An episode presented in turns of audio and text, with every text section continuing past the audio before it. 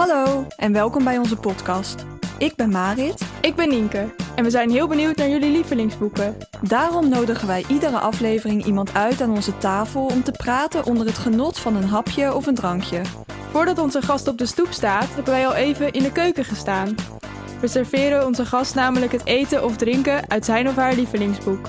Wat schaft de pot vandaag? Nienke, ik heb een vraag. Wat eten we vandaag? Het ligt aan de smaak van onze gast. Wat koos hij uit de boekenkast? Ik heb best honger en ook wel dorst. Eten geen vlees, dus ik hoop geen worst. Wat schaft de pot? Wat schaft de pot? Wat schaft de pot? Wat schaft de pot? Wat schaft de pot? Wat schaft de pot? Wat schaft Wat schaft Wat schaft de pot? Sinaasappelsap uit moedervlekken met Jeroen Woe. Moeder ademt zwaar. Dan zegt Karoké, je kunt hier niet blijven zitten, je moet naar boven of naar beneden. Maar hier, halverwege de trap, kun je niet blijven. Moeder schudt haar hoofd. Ik kan niet meer. Karoké kijkt zijn ex aan. Ziet ze de wanhoop op zijn gezicht? Is dat de verklaring voor het verdriet in haar ogen? We gaan je omhoog hijsen, zegt Karoké. We gaan je langzaam omhoog hijsen en daarna ga je lekker onder de douche. Hij wurmt zich langs haar heen, pakt haar handen, probeert haar omhoog te trekken, maar de ex zegt niet zo. Ben jij nou arts? Ik ben psychiater, antwoordt Karoké. Psychiaters zijn ook artsen. De ex pakt moeder bij haar middel en probeert haar zo omhoog te trekken, maar moeder werkt tegen. Ze weigert omhoog te worden getrokken. Ik ben geen verpleegkundige, zegt Karoké. Ik ben psychiater en dus arts, maar ik trek geen patiënten omhoog. Daarvoor zijn andere mensen verantwoordelijk. En jij zou dat in jouw conditie al helemaal niet moeten doen. Denk aan je kind. We zijn bijna boven, zegt de ex hijgend tegen moeder. Als u even meehelpt, kunt u boven op een stoel gaan zitten. En dan fluistert ze: Als jij aan je moeder denkt, dan denk ik aan mijn kind. Zullen we dat afspreken? Is de rolverdeling duidelijk? Karoké knikt. Dit is uiteraard wel zijn werk. Dit is zijn eigenlijke werk. Moeder de trap ophijzen. Moeder schoonboenen. Ik doe mijn best, antwoordt moeder, maar ik kan niet meer en ik ben misselijk. Ze wachten weer even. Zacht zegt Karoké, ze wel erg rode konen. Dat kan wijzen op hartfalen.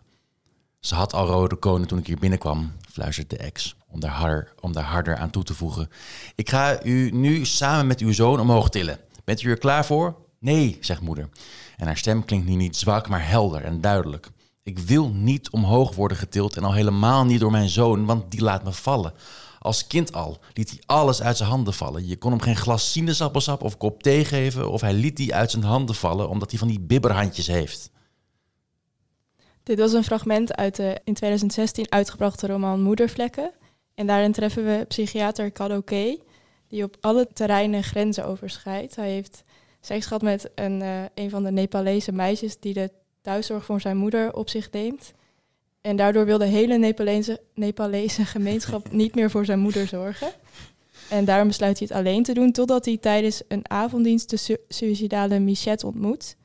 En Kadoke denkt dat de reguliere psychiatrie niets meer met Michette kan. En daarom besluit hij zijn eigen huis om te dopen tot privékliniek. Michette zorgt daarbij voor de terminale moeder van Kadoke. En die wil eigenlijk niets eten behalve knakworsten. Ja. Nou, vandaag geen knakworsten. Nee, ik had ze wel verwacht. Misschien is onze gast er eigenlijk wel blij mee om tien uur s ochtends geen blik knakworsten voor zich neer uh, het, het, heeft ja. gekregen. Uh, we hebben daarentegen een uh, bescheiden glaasje sinaasappelsap. We Ook dachten, heerlijk. Ja, goed om de dag mee te beginnen. Ja. Um, Jeroen Boe, cabaretier, is vandaag onze gast. Um, velen zullen hem kennen in combinatie met Van der Laan. Um, uh, ze hebben samen een tv-programma, Even tot hier. Vroeger deden ze samen ook de quiz. Ze hebben meerdere theatershows gedaan. Maar vandaag is hij hier alleen. En hij heeft laatst ook alleen een eigen album uitgebracht. Weg was, met hele leuke liedjes. Ja, dankjewel. Wat schaft de pot? Wat schaft de pot? Wat schaft, wat schaft, wat schaft de pot? Uh, we beginnen deze keer met een doorgeefvraag die de vorige gast uh, heeft doorgegeven. Wat hij graag van jou zou willen weten. Ja. Hij had het boek Nooit meer slapen van Hermans gekozen, ja. wat heel erg gaat over mislukken en lukken in het leven. En daarom was hij benieuwd of jij vindt dat jouw leven is gelukt of mislukt en wat er zou moeten gebeuren om het te laten lukken. nou, ik ben enorm gelukkig met, met, met mijn leven. Dus ik zou meteen roep meteen dat, dat het gelukt is. Uh, ja, ja. Want eh, ik doe alleen maar dingen die ik heel erg leuk vind. En dat, eh, ik ben als kind al, eh, droom ik van een, eh, van een carrière die, eh, die, die geworden is wat ik wil. En eigenlijk nog in veel grotere mate dan wat ik eh, ooit had durven dromen. Dus nou, op het podium staan en met muziek bezig zijn en met theater bezig zijn. Dat, dat is al, zolang ze me kan herinneren, mijn droom. En dat dat nu zo eh, in, vo- in volle vaart aan het, eh, aan het lukken is, dat, eh, daar ben ik gewoon zielsgelukkig mee. Dus ook eh, en ook de variatie ervan. Dus inderdaad, ja, die dingen die je allemaal opnoemt, dat het al zo afwisselend is, dat vind ik echt heel erg leuk. Dus ja, nee, ja, nee het is, eh, ik heb een boek gekozen waarin, wat mij betreft, heel veel dingen zijn mislukt. Ja, dit is ook een boek inderdaad waar eh, veel mislukt. ja, ja, het gaat er misschien niet over en er zit ook wel hoop in. Maar eh, En het is ook heel veel humor. Het is heel grappig. ja, toch? Ach, ja, ik ben Vond ik wel. Ja, ik moest er ook erg om lachen. Ik moet ook, als je dingen, de samenvatting voorleest, moet ik al lachen. Ja, nee, maar als je dus maar de, de, de moederfiguur, de vraag is ook of het de moeder is, eh, die niets meer kan, niet meer kan bewegen, en de trap opgehezen moet worden. Zeg, ja, dat is een heel bazaal, misschien een heel plat antwoord, maar dat is wel het eerste waar ik aan denk van. Als je zegt van hoe, zou het dan nog kunnen mislukken? Als je nu eens niks meer kan, dat je, als je gewoon niet meer in staat bent dingen te doen, of je je niet goed genoeg voelt om, om, om een boek te lezen bijvoorbeeld, of om de deur uit te gaan, dan zou ik wel echt heel erg eh, depressief worden en het gevoel hebben dat het toch nog mislukt. Maar ik, ben, ik durf nu zelf te zeggen, ik ben net 40 geworden. Als, ik, als het nu ophoudt, dan ben ik, eh, ben ik al heel dankbaar voor wat het was. Oké, dus op zich is het wel gelukt. Ja, ja. En Kadoke gaat in zijn beroep en in zijn privéleven vaak van de gebaande paden. ja. Zo heeft hij affaires met collega's en neemt hij als psychiater dus dat meisje Michette mee naar huis. Ja. En ben jij iemand die van de geva- gebaande paden wijkt? Ehm, nou, niet zoals hij. Dat is wel heel extreem Ja. natuurlijk. ja, hoewel het uiteindelijk wat, eh, eh, wat hij doet, wat hij, hij heeft, hij, is leuk om over het boek te praten, want wat, wat er gebeurt, hij neemt het meisje mee, hij heeft dus een moeder die niet meer mobiel is en die niks meer kan eigenlijk, en hij verprutst de thuiszorg die hij voor haar kan, kan regelen, en dan besluit hij om een patiënt van hem mee te nemen en zijn eigen huiszorginstelling te maken, omdat, omdat die twee hulpbehoevende vrouwen elkaar eh, kunnen helpen. En op een of andere manier, dat gaat op een gegeven moment wel werken. En dat is ook wel weer heel mooi eraan. Maar niet inspirerend. Ik zei zelf, want er a- aan de voorkant van, van die bizarre situatie die Grunberg schetst, wel heel veel misstappen. Die, waarvan ik hoop dat ik die niet, eh, niet zou maken. Maar dat vind ik ook heel mooi, omdat hij zijn, de overwegingen die Karaoke maakt, om bijvoorbeeld terug te gaan naar, eh, naar zo'n patiënt en, zich, en, en haar te dichtbij te laten komen. Ik kan me dat wel goed voorstellen. Zij neemt, hij neemt je zo mee in zijn personages, hoe bizar ze ook zijn, eh, dat je de gedachtegangen toch altijd wel blijft eh, volgen en legitimeren voor jezelf. Waardoor je je kunt voorstellen dat je zelf misschien ook in die situatie had kunnen belanden. Ja, want hij zegt wel de hele tijd, ik moet dit niet doen, ik moet dit niet doen. En dan doet hij het toch. Ja, ja, nou ja, dat ken ik natuurlijk ook wel. Niet in zulke extreme mate, maar ik heb wel eens dat ik denk van ja, dit moet ik eigenlijk niet doen. En dan, doe ik, dan laat ik me toch verleiden. Kun je daar een voorbeeld van geven? Eh, nou, ik ben nu zelf erg aan het worstelen. Ik ben dit weekend bijvoorbeeld naar Barcelona gegaan met het vliegtuig. En eigenlijk vind ik dat dit niet meer kan vliegen. Maar ik weet niet of dat nou een goed voorbeeld is of niet. Maar dat is wel waar ik eerst aan moet denken. Dus van ja, nu ga ik omdat ik het leuk vind om eh, naar Barcelona te gaan, toch in een vliegtuig zitten. Terwijl ik eigenlijk vind dat, dat, het, dat het geen noodzakelijke reis is. En heb je soms ook dat je het gevoel hebt dat je zelf wel iets goed vindt wat je doet, maar dat anderen dat niet vinden? Bijvoorbeeld ook in je werk, dat je denkt, nou, ik sta hier echt voor. En dat je denkt, nou, misschien vindt, vinden de meeste mensen dit helemaal niet leuk of zo. Ja, zeker. Nou ja, wa- wat ik waar vooral aan moet, heb moeten wennen. Want ik ben het eerst, in eerste instantie theater gaan maken. En dan gaat het heel erg over de, over de artisticiteit ervan. Dus van wat, eh, van wat, wat heb je gemaakt en, hoe, en als kunstenaar, wat, wat, wat vinden mensen daarvan? En toen ik Niels en ik de tv gingen maken en satire gingen maken, toen kregen we ineens eh, ook te maken met mensen die gewoon het inhoudelijk niet met ons eens zijn. En daarom ons niet leuk of niet goed vinden. En dat vind ik, eh, dat heb ik echt moeten leren om dat uit elkaar te trekken. Omdat eh, dan kunnen wij een liedje maken over bijvoorbeeld over vaccinaties. En je hebt ook heel veel mensen die daar heel erg tegen zijn of die dat niet willen. En die dan heel erg boos op ons zijn omdat we een pro-vaccinatielied maken. We En worden- dat sturen ze dan ook naar jullie toe? ja, ja we, worden, we hebben een liedje gemaakt, dat is vijf jaar geleden. Dat is ten, ten tijde van dit boek hebben wij een liedje gemaakt over... Want toen waren er best wel veel antroposofische mensen... die het zich niet lekker voelden bij het inenten van hun kinderen. Daar hebben we een kinderkoor toen laten zingen... van, "Ge- mogen we alsjeblieft toch een prik? Dat lied is nu ineens uit de context gehaald... en wordt door de, mensen die tegen het coronavaccin zijn opnieuw gedeeld. En mensen hebben dus niet in de gaten wie wij zijn... of eh, wanneer we het gemaakt hebben... maar denken dat we dat pro-vaccinatie hebben gemaakt in de coronatijd. En eh, bijvoorbeeld iemand dat Thierry Baudet heeft, denkt dat ook. Die heeft dat, dat nu dat nummer getwitterd en met de tekst erbij dat wij naar de gevangenis moeten. En dat heeft een soort eh, reeks bedreigingen weer in gang gezet. Waar je dacht, Thierry Baudet heeft dat ge- getweet. ja, Oh. ja, deze jongens moeten naar de gevangenis, dat, omdat ze dit lied gemaakt hebben. En nu krijgen wij dus nu weer berichten van mensen die ja, dat, we, dat, we, dat, eh, dat wij moeten zijn, bang mo- moeten zijn om geprikt te worden. Want als we ze op straat tegenkomen, dan krijgen we een mes. Nou ja, dat soort dingen. En vind je het eng Ja. als mensen dat echt tegen jullie zeggen? Of Nou, niet leuk natuurlijk. Het is, het is, ik denk ook eigenlijk dat het zo vaak niet loopt. Eh, want ja, god, als ze niet eens zich verdiepen in waar het lied eigenlijk over gaat, dan zullen ze al helemaal niet zich verdiepen in wat mijn adres bijvoorbeeld is. nee? Maar nee, ja, het is. eh, het is nou, wat, ik, waar, wat ik zeg, wat ik vooral lastig vond in het begin, was om mij dan niet aangesproken te voelen als kunstenaar of als, als cabaretier. Omdat ik heel erg mijn best gedaan heb, want dat lied, dat lied is gelukkig wat ouder. Maar als ik het net gemaakt heb en mensen zijn het dan op deze manier ermee oneens, ik, ja, maar ik heb heel erg. eh, probeer gewoon een leuk lied te maken voor de mensen. En, eh, en eh, dan zijn mensen boos. En dat komt dan dus niet door dat het lied niet goed is. Dat, kun je overigens ook wel vinden natuurlijk. En dat vind ik dan ook niet leuk om te horen. Maar dat, dat kan natuurlijk. Het is niet voor iedereen. Maar dat mensen echt zo boos worden dat het dan niet te maken heeft met mijn, met mijn kunnen. Maar, maar met wat ik vind. En dat vind ik dan eigenlijk minder erg. En kun je goed zelf beslissen of je iets heel goed vindt wat je hebt gemaakt? Of heb je daar heel erg erkenning van anderen voor nodig? Daar heb ik best wel veel erkenning van anderen. Gek genoeg. Jammer genoeg. Voor En wie nodig. zijn dat dan? Eh, nou ja. eh, nee, ik, ben een, ik heb de, de, de ongelofelijke mazzel dat, met, dat ik een duo ben. En de, Niels is hier heel anders in. Dus als wij een opname hebben gehad, dan kan ik moet het zelf. eh, Zeg maar, als we een tv-programma hebben gemaakt, dan moet ik het. Dan ik, mijn zenuwen gaan pas liggen als het op tv is geweest. En als ik geen boze appjes krijg. Of als, eh, ik kijk zelf nooit op Twitter, ook om de reden wat ik net, net zei. Maar ik heb dan wel een lieve vriendin die dan die wel kijkt en die zegt: nee, het is vast goed. Of het is, eh, weet je wel, die, beoordeelt, die leest het dan en die geeft ons op beoordelen. Want ik vind het toch wel rustig om ongeveer te weten hoe het valt. Nou, en, en, eh, en, en zo, als bij elkaar de, de reacties verzamelen van mensen die ik vertrouw, dan krijg ik er een rustig gevoel over. En dan pas durf ik het los te laten. Terwijl het al tijdens het opnemen en tijdens het, die kan zelfs als het crypt er is al zeggen, nou, dit, is, eh, dit komt goed. Dat kan ik echt niet. Ja, dus hij kan meer van zichzelf uitgaan en ik heb het meer van de reacties. En heb je dat altijd gehad of verandert dat ook in de tijd? Ben je nu je pu- publiekelijker bent, Ja, heb je dan ook meer ehm, het publiek nodig? ja. Ja, want ik ben ook wel redelijk op mijn bek gegaan. Want ik ben, ik ben, wat ik zei, ik ben als kind al heel erg van plan om dit te gaan doen geweest.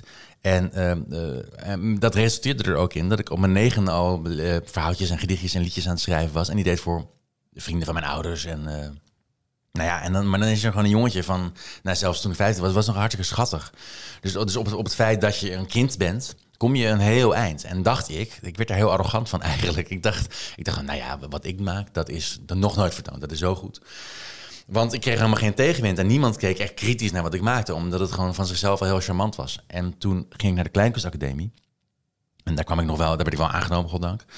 Maar kreeg ik wel meteen te horen dat ik eh, erg eh, imitatief was, bijvoorbeeld. Omdat ik natuurlijk eh, gewoon als kind alleen maar mensen nadeed die ik goed vond. En helemaal niet bedacht wat ik zelf eigenlijk wilde maken. En ik ben, eh, ja, wat daar op die kunstopleidingen wel gebeurt, en wat ook wel goed is hoor, maar wat ook heel heftig is, dat je er eigenlijk een beetje wordt afgebroken, zodat je ze daarna opnieuw kunnen opbouwen.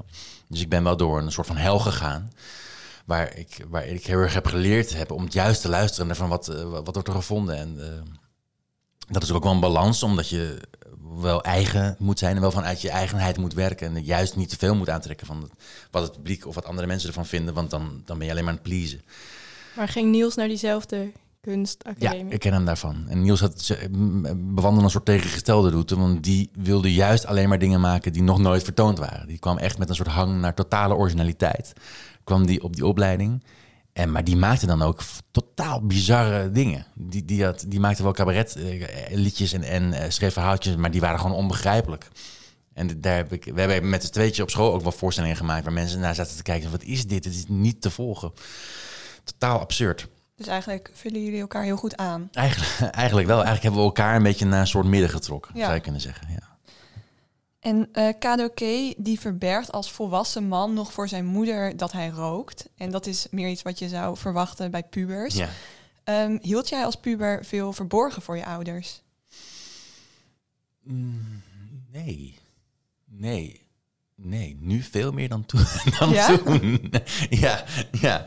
Nee, ja, nee, toen als, maar als puber, ik was nou, nog weer daarop, maar ik was zo met theater bezig en met, met, met de theaterschool ook en zo. En mijn ouders hebben, ik ben zo oneindig dankbaar dat ze mij daar, Zij steunde je heel erg. ze steunden me heel erg. Ja, ik ben ik laatst echt wel mensen tegengekomen die dat, dat gevecht ook nog thuis hebben moeten voeren. Van, ja, daar je is gaat toch geen toekomst niet, in. eh, Nee, nee. precies. Zij hebben mij geen strobreed in de weg gelegd. En eh, dus ik ben ze daar heel dankbaar voor. En, ik was, ja, was je omstandig als puber? Of? Nee, helemaal niet. Ik denk dat dit was wat ik wilde en dit deed ik dan ook volop. En ik, ik ben ook pas veel later gaan drinken en ik heb nooit, weet je, ik heb dingen die, die je doet als puber. Ben ik pas la, eh, rond, rond eind 20, begin 30, ben ik dat ineens gaan doen. Omdat- ik toen een beetje het gevoel kreeg van, nee, ik heb misschien wel eens iets overgeslagen in mijn leven. Toen ben ik dat gaan onderzoeken. En daar weten mijn ouders dan weer niet zo heel veel van. Toen ging je meer verborgen houden. Dus eigenlijk Ja. net als KDOK. Als Ja. eh, volwassen man ja, heel veel... eh, ja. Ja, want de moeder van karaoke kijkt heel veel naar Dr. Phil. Mhm. En waar kijk jij naar op tv? Ehm, Of kijk je geen tv? Nou ja, ik durf het bijna niet te zeggen, want het is natuurlijk als tv-maker, ik, kom ik heel veel, ja, mag je dat bijna niet zeggen. Heel veel nieuws natuurlijk wel, maar dat is ook een beetje voor mijn werk. En satire ook voor voor, eh, ja. Maar kijk, ik, eh, ben wel echt wel een serie-liefhebber. Ik ben nu de Good Fight aan het kijken, maar dat is dan niet echt op tv. Ik weet niet of dat in Nederland is uitgezonden. Maar dat is een advocatenserie die ik heel erg mooi vind. Je had ooit The Good Wife, dat staat wel op Netflix geloof ik. Over, eh, dat is een, advocatenserie. Maar die gaat heel erg in op het nieuws, op, op, een bijna satirische manier. Dus er, zitten rechtszaken in die, die, eh, die rechtstreeks uit de krant lijken te komen. Die, hebben zo de vinger aan de, aan de pols. Dat vind ik echt een prachtige serie.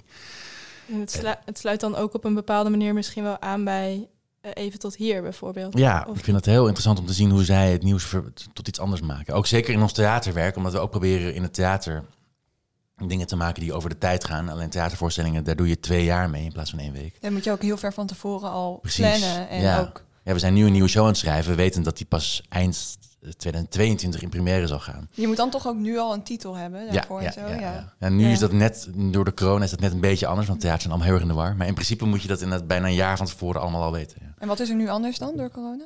Nou, er zijn heel, elk theater pakt het een beetje anders aan. Bijvoorbeeld het ene theater wil, heeft al een programmaboekje, maar de andere denkt, ja, we wachten nog even af, want we weten niet wat er kan en wat niet.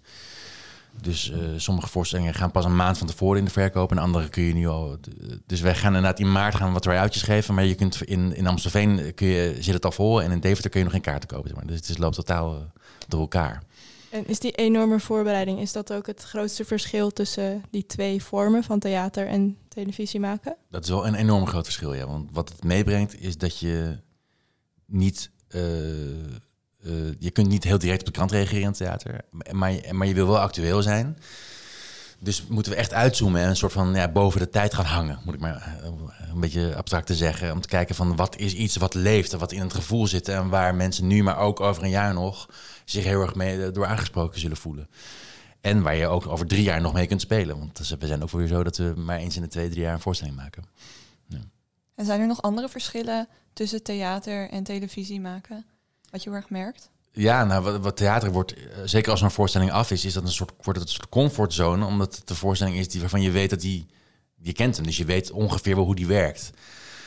En eh, tv is bloedspannend, omdat we schrijven dat in één week tijd en dan komt het publiek binnen en dan heb je één kans om het te doen. En als je een grap verprutst, dan is die weg. Dus, eh, en je weet ook niet eens zeker of hij leuk is of niet. We, we, we zijn de hele week aan het schrijven en op zaterdagochtend dan komen de cameramensen erbij en de, de, de, productie. En dan lezen we het voor. En dan, dat is een soort, soort testpubliek.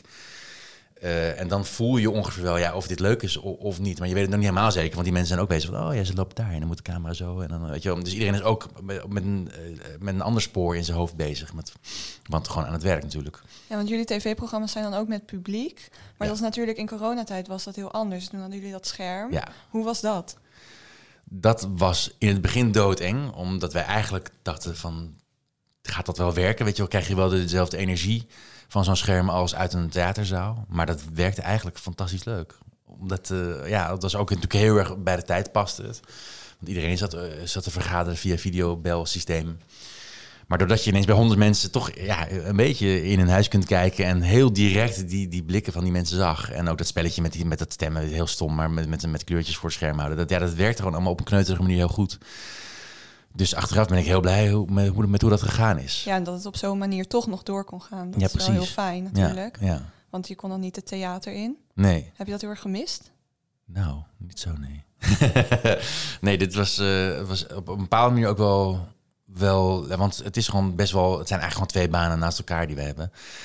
En dat er eentje even wegviel, dat was... Dat heb, nee, dat heb ik, ik heb nu wel heel veel zin om er weer in te gaan. Maar ik heb, er, ik heb het niet heel actief gemist, als ik heel eerlijk ben. En is dat ook de reden dat je toen een soloalbum hebt uitgebracht, dat je daar meer tijd voor had? Ja, en dat er ook muzikanten waren die tijd hadden. Want dat zijn hele fijne, hele fijne mensen. Die eh, normaal heel druk zijn. En nu ineens met een tijd hadden om een week met bij de studio in te gaan. Ja, en ik, ik schrijf... eh, liedjes schrijven doe ik echt voor mijn plezier. Dat doe ik ook helemaal niet vaak. Dus dat, ik, dat doe, doe, ik schrijf er maximaal twee per jaar. Maar omdat ik er nu een aantal had en er ineens eh, allemaal mensen thuis zaten... en ik zelf ook, dacht ik, nou, dan is dit misschien een mooi moment om ze op te nemen. En heb je dan ook een favoriete vorm van maken? Dus muziek of theater of televisie? Eh nou, theater, eh even denken hoor. Want televisie maken, god, ik vind maken is inmiddels, ik vond maken altijd heel leuk. En dat ging eigenlijk altijd vanzelf. En omdat Niels en ik nu in zo'n enorm tempo maken, is het werk geworden. En vind ik het nog wel leuk, ook heel gezellig, omdat het met Niels is. Maar ook iets wat moet, weet je wel. Dus het is, het is altijd deadline afhankelijk en het is altijd meer dan, dan je... Weet je één grapje of één idee is nooit genoeg voor een hele uitzending. Dus je moet gewoon tot, iedere keer weer tot het gaatje om het helemaal, eh, om alles te schrijven. En dan vind ik zo'n liedje schrijven wel heel leuk, omdat het gewoon is, omdat ik denk, ja, dat is mooi. En dan heb ik er tijd voor en dan kan ik er wandelen en er is rustig over nadenken en af en toe eens naar kijken. En dat komt echt vanuit een soort natuurlijke eh, engagement eigenlijk om het te maken. Dus dat, is, dat heeft wel zijn charmes. Maar het is wel minder gezellig, want dat is het, met Niels samen vind ik het allerleukste wat er is. Ehm, niet alleen moedervlekken, maar eigenlijk al Gumbergs werken is heel erg absurdistisch. Ja. In de zin dat eh, personages heel anders reageren dan mensen in het dagelijks leven eigenlijk Ja. doen. Is absurdisme iets wat jou aantrekt in literatuur of in kunst in het algemeen? Ik kan er heel erg om lachen. En eh, eh, ik vind het wel, het moet wel goed. Ik vind absurdisme, zeg maar, als het nergens aan raakt, vind ik het altijd een beetje makkelijk. Kort op de bocht gezegd, hè? Want het kan natuurlijk ook nog steeds wel heel grappig zijn. Maar ik vind het leukste als het iets neemt wat, wat je kent en wat je voelt. En dat eh, zo uitvergroot dat het absurd wordt. Zodat het, dat vind ik aan Grunberg dus ontzettend knap. Dat, dat, dit is natuurlijk een totaal belachelijk verhaal. Als je het op anekdotisch niveau bekijkt. Maar nog steeds heb ik echt het gevoel dat het over mij gaat. En dat ik, het, eh, dat ik Kadoké zou kunnen zijn. Dat hij met je mij is en ik hem. Ben je dan ook Grunberg fan? Ja, enorm. Dus dit is, jullie vroegen mijn lievelingsboek. Deze, ik heb deze gekozen omdat ik die toen meest recent gelezen heb. Eh, maar eh, ik vind al zijn werk, ja, ik ben echt enorm fan van hem. Ja, Nou, is het wel fijn dat hij zo vaak boeken schrijft. Komt bijna elk jaar wel weer een nieuwe ja uit. zeker. Ja, ik, moet het, ik, ben, ik ben nog niet helemaal bij zelfs. Ik moet nog, de laatste moet nog weer lezen. Ja. Eh, we gaan nu even luisteren naar een fragment uit jouw lied. Toen ik hoorde dat het slecht ging. Leuk.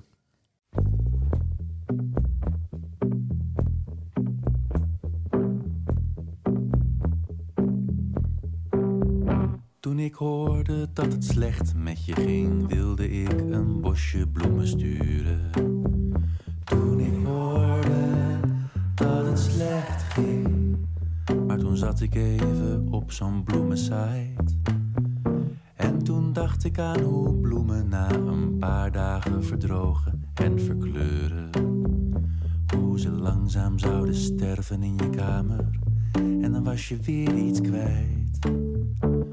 Dat wou ik je niet aandoen, dus dat plan ging overboord. En het lied gaat heel erg over dat het moeilijk kan zijn om iemand te steunen die hulp nodig heeft. Ja, En Ka- Kadoke heeft daar op een bepaalde manier ook moeite mee.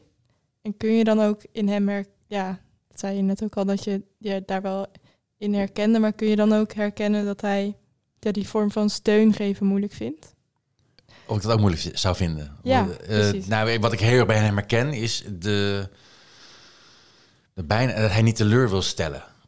Dat, eh, en, en het daardoor bijna toch doet. en dat is ook misschien waar het liedje een beetje over gaat. Ik, ik, heb ook, ik, ik ben van, mijn karakter is, is een beetje pleaserig. Ja, Tenminste, daar zou ik wel van af willen bijna. Ik wil heel graag eh, dat, eh, dat iedereen het ook oké heeft en iedereen aardig, eh, mij aardig vindt en, en iedereen lief is en dat het gezellig is. En eh, daarin eh, neemt Karaoke gaat er wel heel ver in natuurlijk. Ja, Eh, want die is ook constant.